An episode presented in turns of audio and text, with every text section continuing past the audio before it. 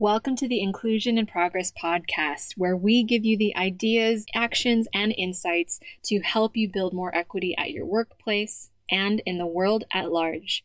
I'm your host, Kay Fabella, international expert on diversity, equity, and inclusion, a Filipino American living in Spain, and your guide in navigating this DEI journey.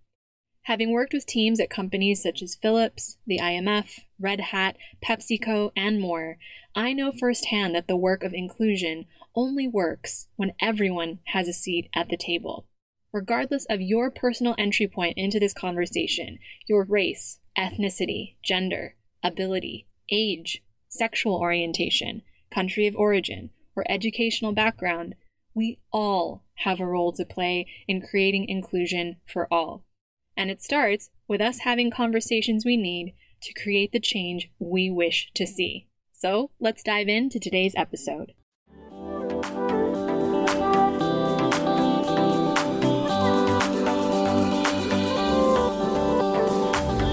In this episode of Inclusion in Progress, we are pleased to welcome Jorge Quesada.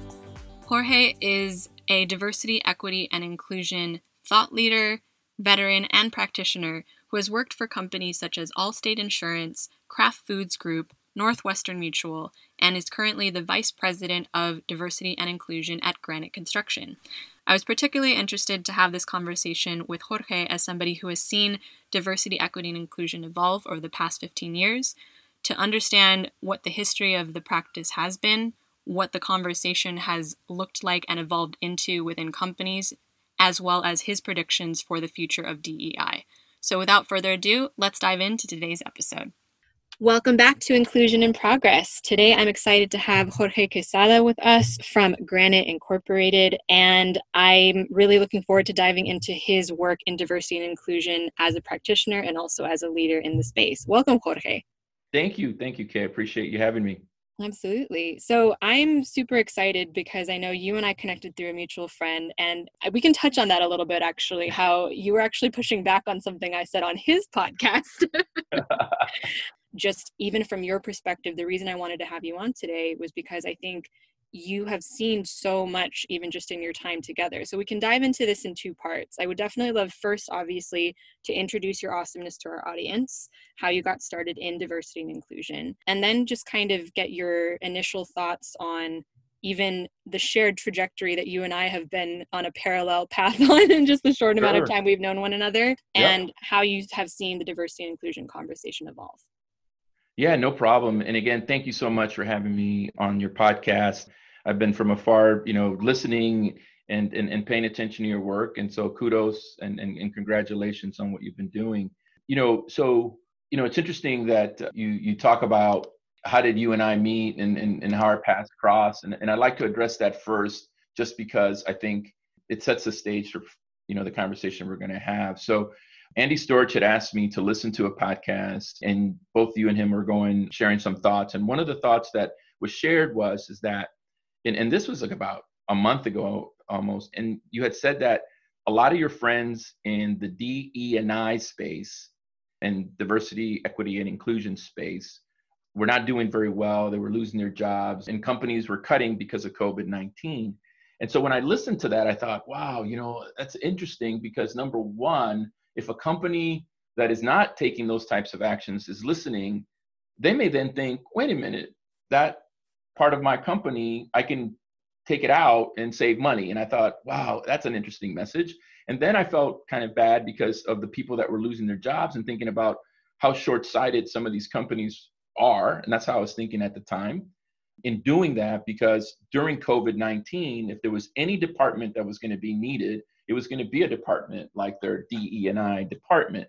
So I reacted to it, and then you and I talked, and then you fast forward another four weeks. You know, you and now we're at a phase where companies are like tripping over themselves, trying to strengthen their DNI departments, trying to reach out to the communities that maybe they haven't been in touch with, reaching out to their employees in ways that they have not been engaged with. And it was the DEI department that you were speaking to a month ago that is now running point on all these levels of engagement. So, so you know that opportunity was fantastic, and so here we are, you and I come together. so the reason how I got into this work, and, and I'll be quick, and then, and, but I was a business person at Allstate Insurance Company, and I was doing some work in various departments. And at the same time, the chief diversity officer was looking for someone that had credibility from a business perspective, but also was engaged in the diversity and inclusion work at Allstate. And I just happened to be the president of the Professional Latino Allstate Network. And my name kept popping up. And so he and I interviewed, and he gave me the opportunity, and I took it. And so that's how I got into the work. But being Latino, um, I thought, yeah, I could do it, right? And maybe it's a it's a guy thing also that you know, I didn't even look at the specs of the job. I just said, yeah, it's a job, I can do it. Here we go. And then when I got into the role, I realized, wait a minute, there's a lot of things I don't know. And that was the first time when it came to DNI that I realized that just because from an ethnicity I had a point of view, just because from a point of I had this point of view also from a male, I thought I could go ahead and be in the practice, teach the practice. I realized I needed to learn more. And that's why I started reaching out to thought leaders in the, the DNI space. And there I was um, leading diversity and inclusion at Allstate Insurance Company. That's amazing. And I'd love to hear how you landed where you where you are now at Granite and the types of initiatives that you're leading there internally because I know you're doing some amazing work. Yeah, so thank you for that. So I worked at at Allstate. I had I challenged myself if I could actually take on the learning aspect of this work, could I ever become a chief diversity officer? And you know, I was so fortunate that with three years' time and the work that we were doing at Allstate and the team members that we had and the work that we did there, Kraft Foods came looking because their chief diversity officer, Jim Norman, was retiring. And so I was given the opportunity to work at, at, at Kraft Foods as the chief diversity officer. You know, fast forward another four and a half years, uh, Northwestern Mutual was looking for someone that could help in their in their DNI practice there. And the cool thing about that one was they were looking for someone that had insurance insurance background, had sold insurance, and was a DNI thought leader. And here I was, right? So that worked out really well. And then another four and a half years go by, and I get a call because Granite Construction is looking for an individual that can come back to the West Coast or come to the West Coast and help build up their practice here in diversity and inclusion here in Watsonville, California. And, and so I'm excited because not only am I here to prop up a DNI practice at, at Granite Construction, but I really believe that I'm also here to also be kind of like a voice in the industry around diversity and inclusion. Um, I tell people all the time as we get into a conversation, five years from now, there's going to be a case study that's going to be written, and they're going to, and, and basically the case study is going to say, how did Granite Construction, how were they able to bring in so many women into the construction industry, and specifically to Granite, and move them into leadership positions? how were they able to increase the representation of people of color within Granite and move them into leadership positions?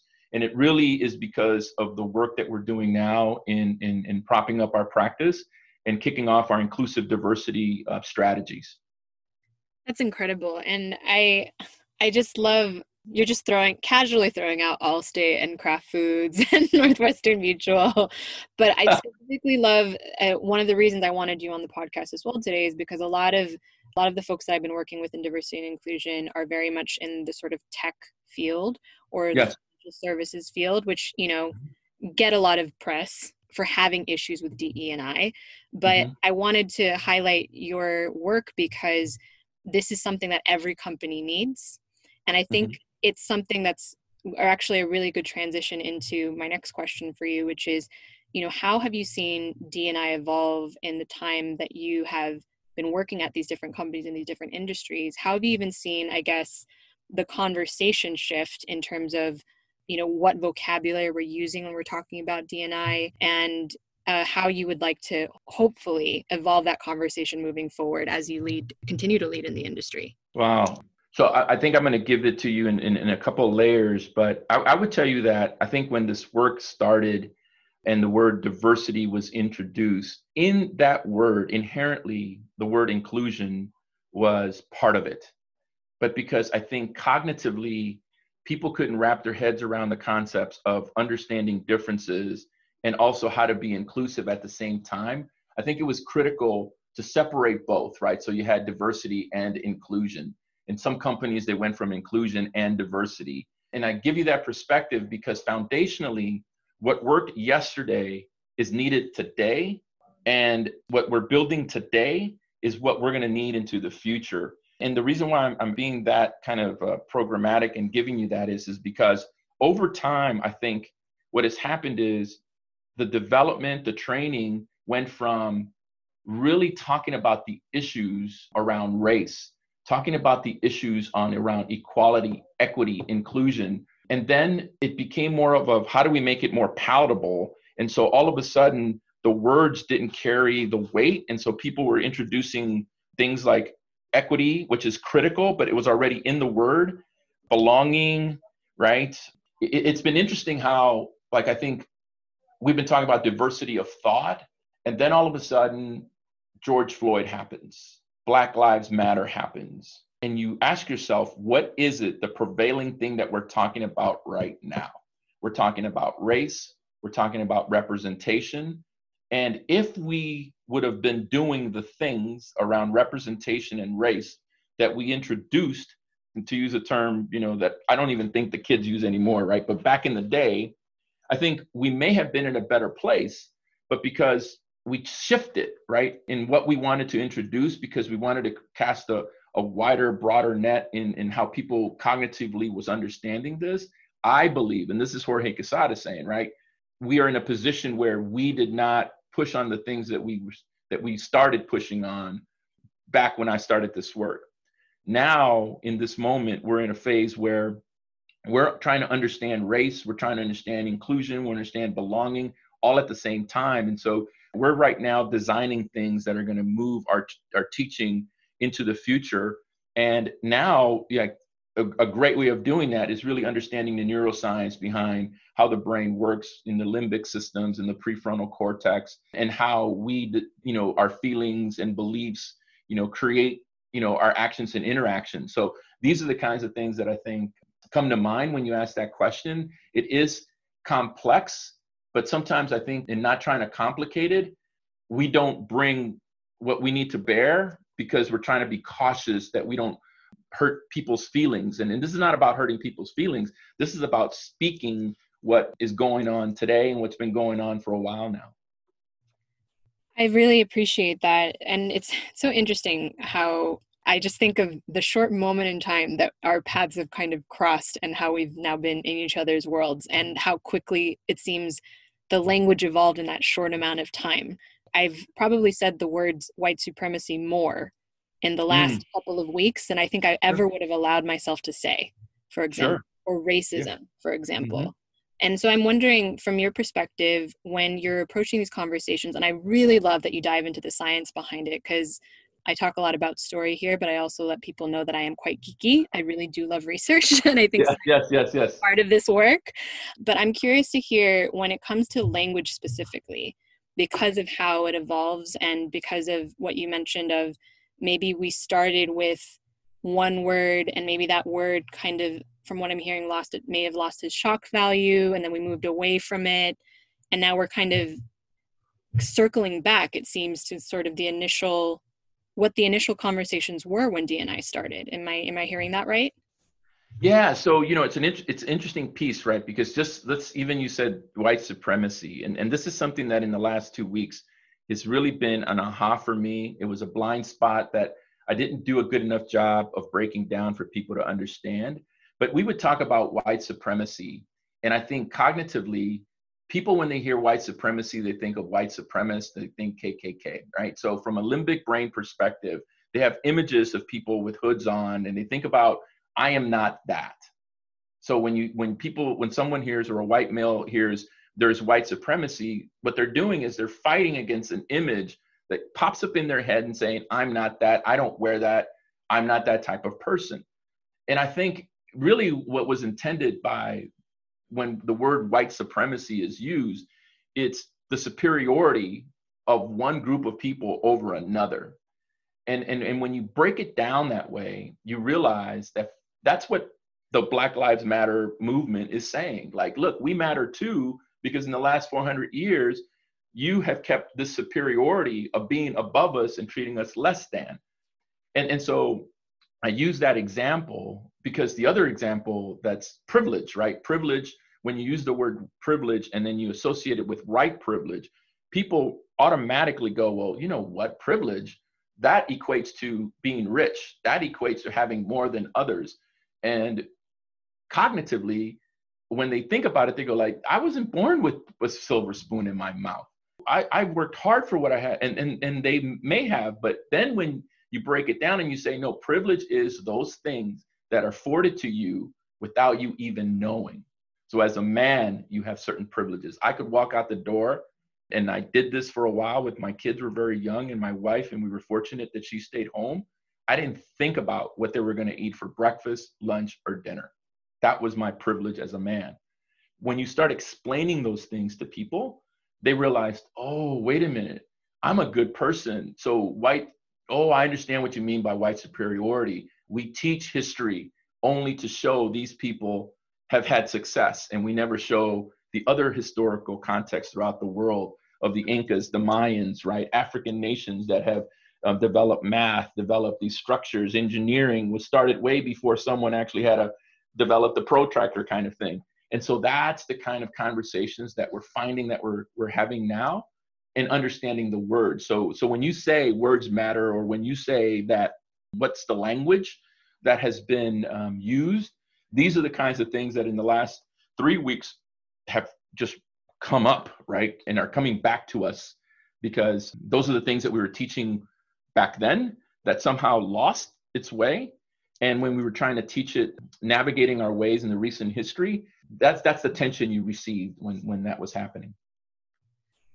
I really appreciate that. Yeah it's such a great example it's so funny in some of my trainings with clients the some people refer to it as the p word when privilege comes oh, up oh yes yeah you know it's it's interesting right because i think we almost kind of like pull back from actually talking about it. But just think about what you said too, right? In in the last couple of weeks, you're using terms like white supremacy more. Now you're using racism. We're using systemic racism. So the word systemic needs to be approached. And so if we've had systemic racism, we have to figure out how to create systemic racism, right? Uh, how do we go into something and changing some of the things that have been created over time? And uh, it's it's a fascinating time in our history. It's a fascinating opportunity for us.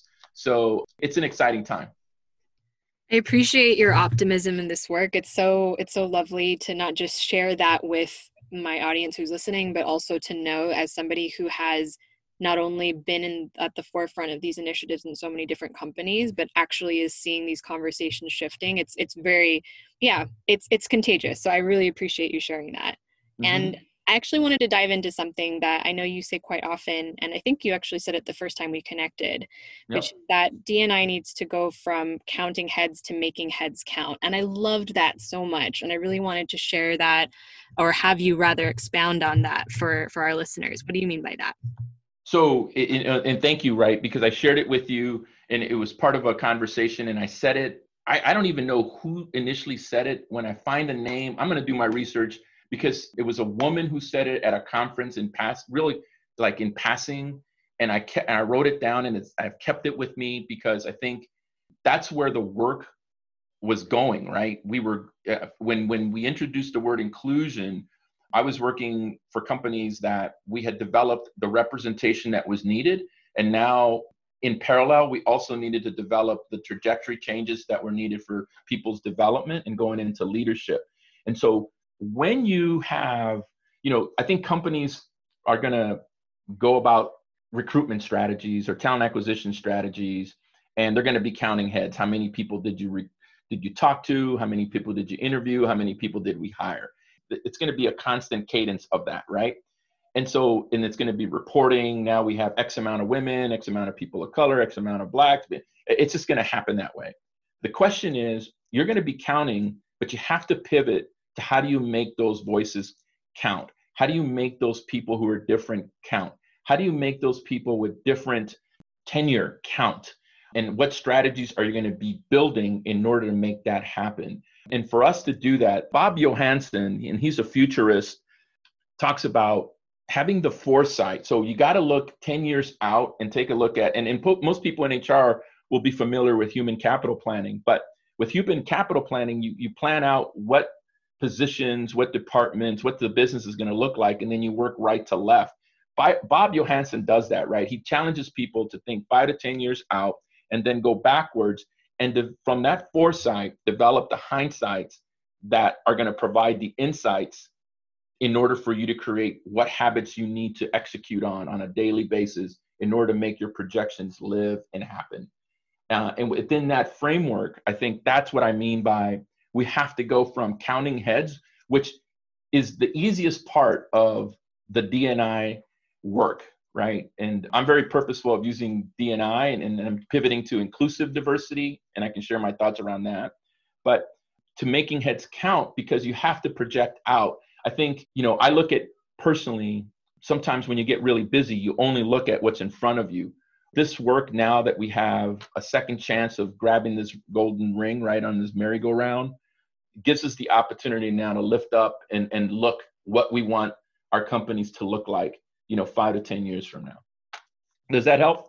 That does. That's incredible. And i i actually i do want to hear more about uh, the inclusive diversity choice because i think so much of what we're speaking about talking about language and how important language is i think from what i'm hearing from you there's definitely a lot of strategy behind that.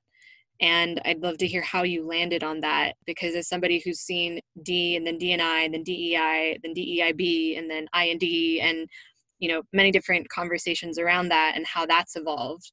Uh, yes. what was your intention i guess and purpose behind uh, embracing inclusive diversity not only in your personal philosophy but also in the work you do at granite?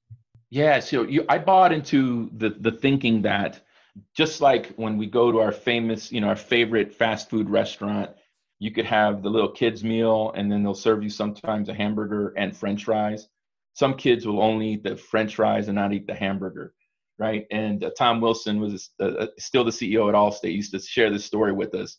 And what he realized was is that we needed to remove the and out of uh, out of both because we want the kids to eat both, right? Mm-hmm. And so one of the things that comes to mind is is that in order to create the right environment, you cannot like have diverse strat like diversity strategies of recruitment, let's say, and then then all of a sudden you have inclusive strategies and then some companies practice inclusion but don't have the diversity to be even thinking about inclusion, or they're not cognitively thinking about that, or they're so focused on the diversity side that they forget that they have to create an environment that people want to be part of.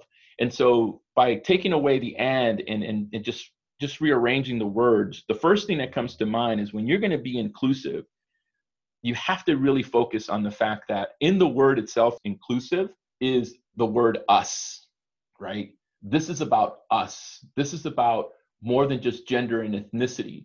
And then when you say those words, you realize, wow, now we're thinking about single parents. Now we're thinking about people in the LGBTQ community. Wow, now I understand intersectionality because, you know, now I, I see when we're trying to be inclusive of all the diversity that is only here today, but also the diversity that we're going to be bringing on board.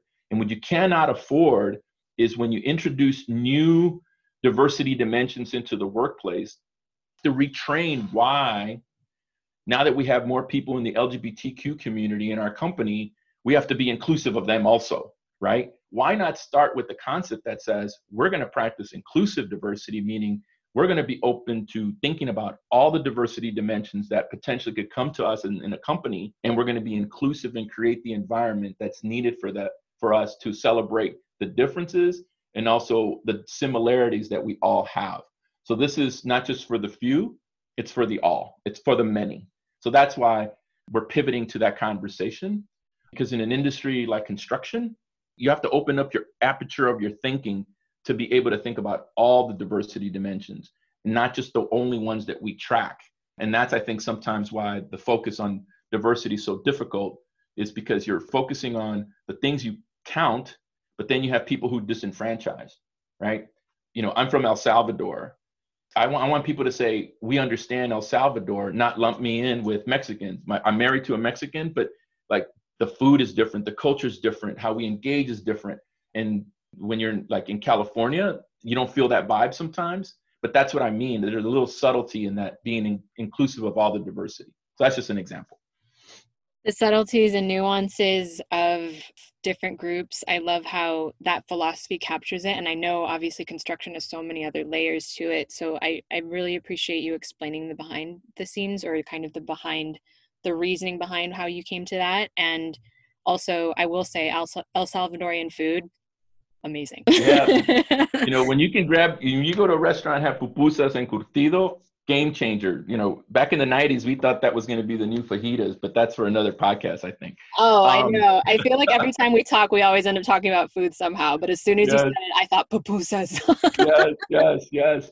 Um, you know, it's so interesting, right? And and I guess I'll share a story with you that I think has really framed the way I think I've been thinking about diversity and inclusion and then moving into inclusive diversity here at Granite when my son was two, my wife and I were so excited because we were going to take him to the Denver Zoo because they had a little parade uh, for Halloween. And on that day, I dressed my son as Bob the Builder, and I dressed my daughter as Minnie Mouse. I, you know, now that I'm working at Granite, I, I step back and I wonder why didn't I dress her as Vanessa the Builder, right? But there wasn't, you know, Bob the Builder, the show didn't have his girlfriend wasn't part of the show at that time. So right. was, everything was about Bob the Builder. And why, how early would I talk to my daughter about encouraging her to be in the construction industry? And it wasn't until I came to Granite that I was looking at, you know, things that we wear, our crews wear, and the helmet came up, and I thought, oh my God, I know I have a picture of this. And lo and behold, there's my son dressed up as Bob the Builder, and next to him is my daughter as Minnie Mouse. And so I think in just in our own biases, right? We think men construction, women don't, right? Don't aren't in construction. But we have some phenomenal women that work for us here at Granite and other construction companies that have realized, wait a minute, not only do I have the brains, I have the ability and, and I have the aptitude and the capability to work in this industry, and they're being successful. But I think the biases that are created early on on why someone would want to get in construction is started when very young. And so that's one of the dimensions that we'll work through. The other one is, you know, the economic downturns and stuff. A lot of people left the industry. We have stopped encouraging kids in high school to pursue the trades. And, and this was, you know, a great opportunity you know, we have men and women who have a, a great career in granite that because they wanted to get into the trades, they're part of the trades and they have a phenomenal living. And and now we have a need of talent that we need to go out and amplify that that that we have these opportunities so that's the second one and finally as we're transforming the organization you know, just like we found out at Northwestern Mutual, just like we found out at Kraft, and just like we found out at, at Allstate, you know, and it shouldn't be a surprise to women, right? But women can lead, you know, yep. um, right? Women can lead, and they're and and they help us create the environments the, for collaboration, insight. They help us, you know, those, and then you don't have to like be so programmatic about the seats you know that you have to be the, so the tenure so we're looking at all of that and, and and part of the transformation and part of innovation is to disrupt and so granite has given me the opportunity to come here and and disrupt our thinking because we believe we have a strong value proposition not only for employees but in the work that we're doing around inclusive diversity that's amazing. And I even just, I really would love to see that photo next time we speak. of your sure. Yeah. I'll send it to you. Yeah. Yeah. and I think that it, it just goes to show, you know, these, these conversations and the reason why, you know, I understand the work that we do, even though we come in at the company level, it really mm-hmm. requires mm-hmm. us, like you said, to be innovative and disruptive and look at the systems that led to people coming in and having the biases that they have, having the sort of preconceived notions that they have coming in, and how we can set up those objective guardrails not only for the folks who are there, but really actively thinking about all the different ways that we can even go back further than the pipeline. It sounds like you're you mm-hmm. you guys are going in that direction and I really I really love the systemic approach that you have and I think it's something that's so critical for folks who are you know really coming into this work really passionate and looking for guidance in terms of how do I go beyond the sort of momentary we'll say outrage mm-hmm. in in the moment that we're recording this in um, and turn it into a systemic and long-term strategy so I really appreciate you walking us through that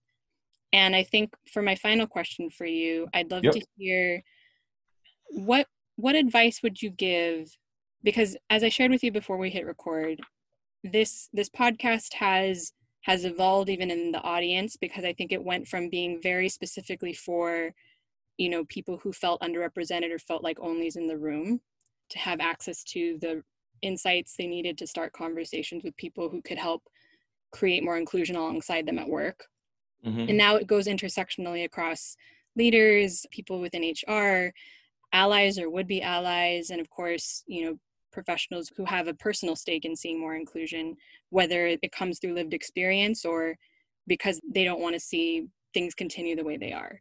So, given that we're moving towards, as you said earlier, we're, we're in a time that is very exciting in that we're having deeper conversations than we've had before. We're maybe touching on aspects of diversity and inclusion that maybe we were too scared to touch before, but now there's definitely at least a willingness to sit in that discomfort that there didn't mm-hmm. used to be before. So no matter when where someone is in their company, whether they are a practitioner, whether they are somebody who is a leader or a people manager, or they are a minority themselves, how mm-hmm. would you recommend that they start this work and sustain this work moving forward? Wow.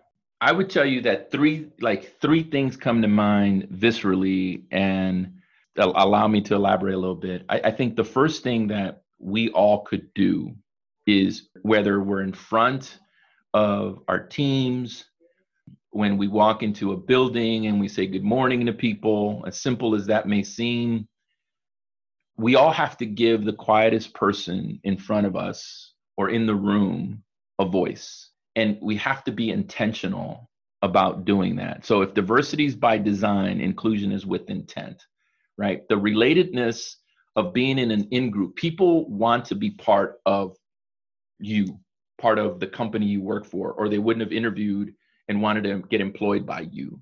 So how do you give them a voice? So that's the first one I would tell you. Give the quietest person in the room that you're with or in front of you a voice. The second one is learn how to identify the person who's most different around you and create an environment where you create the psychological safety for them to belong. How do you bring them in? How do you bring them into what you do, what you're saying, what you're trying to aspire to? And then the final one uh, that comes to mind for me is this notion of talent around a contribution and tenure. And what I mean by that, regardless of tenure, we have to be better at changing the trajectory of the development of people because someone new to the company could be the person that solves the problems you need today. And so you need to identify that talent and be able to nurture it so that you can change their trajectory of their development. Then at the same time, someone with tenure, let's say 25 plus years within your company, we can't fall asleep on them either because they're the people who have the institutional knowledge and they can still contribute right they contribute in many ways not only can they do the work of a few or many but they also can do the teaching and so your level of efficiency increases by the level of their participation so if you think about those three things how do you give the quietest person in the room a voice how do you make the person who you identified as being most different, right? And is most different. How do you make them feel like they belong? And then, regardless of tenure, how do you then allow someone to contribute? When you ask me that question, I think those are the three things that come to mind for me, like from a visceral perspective, that I could build a strategy off of that. And I could build a personal strategy on that. It, it, it I don't need permission, right? I don't need it to be a priority for me to impact systems because now I have three habits that I can execute on on a daily basis that I can make a difference for for myself, for my team, and for my company. I am going to be coming back to this and taking notes. That was fantastic. Um, well, thank you, Kate. Appreciate it. I really, I just, I think there's so much, there is so much hunger for knowledge right now, especially because people are at the time of that we're recording this very fired up to do things, and I think in a way that even from my home base now here in Madrid, it's been really fascinating to see. I went to the Black Lives Matter protest that took place here. It was supposed to be 200, you know, odd people just hanging out in front of the US Embassy, and it ended up starting and evolving into 3,000 people marching through the city peacefully. Mm. And mm. and I think that even just seeing, hearing the messages in English and Spanish of how systemic racism was affecting, you know, people of color, specifically black black people of color here in Spain and here in Europe, alongside them chanting Black Lives Matter and saying George Floyd's name. There was just something really poignant about that moment for me because I realized that the work that we do, not only do we now have a really powerful context for it because of what's outside of our doors, but it makes our work inside the doors of companies that we're in so much more poignant and so much more necessary. So even just to hear how you walked through those three points for folks, I think is just going to be so because there is that fervor and there's that energy and desire to want things to be different having that then be grounded in something practical and sustainable is is so critical so thank you for sharing that no no problem and I guess my last question for you to wrap up is, and I know it won't be our last conversation, I'm sure. but if you could let folks know where we could find you and and where we can learn more about the work that you're doing right now. So I would tell you that the there's three ways um, that they can reach me. Right. I think please you can reach me out on LinkedIn. I'm there as Jorge uh, a you you said Madrid, and so now I, I started thinking. So I switched to, Spanish. Spanish. I went to Spanish. I went to A, right? No, but Jorge, you know, A Quezada, MBA, and you can find me there. I love to like learn from other people, so I post a lot of stuff. You can reach me via email at uh, Jorge J O R G E dot Quezada Q U E Z A D A at G C I N C dot com and then the final way and you know i, I just ask people to when they see me right to say hi to reach out. Or if they see you know they see that i'm going to be on a podcast to join jump on a chat. Um, i'd love to engage with people. And, and just reach out. Don't be afraid to say hello. And i think sometimes i don't say it because of me only. Um, and i found myself that there was a lot of people whether it was Ted Childs back in the day, Andres Tapia back in the day, Jim Norman, and I can go on and on and on, Jennifer Brown. It wasn't until I t- had the courage to go into that fear zone and go say hi that it be, the game changer that I wanted in my life in this space was created because once I engaged those individuals, they were more than willing, just like I'm just extending that opportunity out to people. Reach out and let me be there for you. Let my actions speak louder than my words. That is so brilliant. Thank you for sharing that and for offering your time to not just us right now on the podcast or listening, but to anyone who happens to find you. Thank you, Jorge. No problem. Thank you, Kay. Appreciate it. Of course. And I really appreciate you for tuning in to this episode. I know there were so many amazing insights, so please be sure to tag Jorge or myself on social media, specifically on LinkedIn, because I think that's where we both hang out the most. Let us know your favorite insights from our conversation today. And of course, please don't forget to subscribe, rate, and review Inclusion in Progress, the podcast on iTunes, because every bit really does help get this message, these tools, these insights, and resources shared here to the people who'd most benefit from a more inclusive world. Thanks again for tuning in, and I'll see you in next week's episode.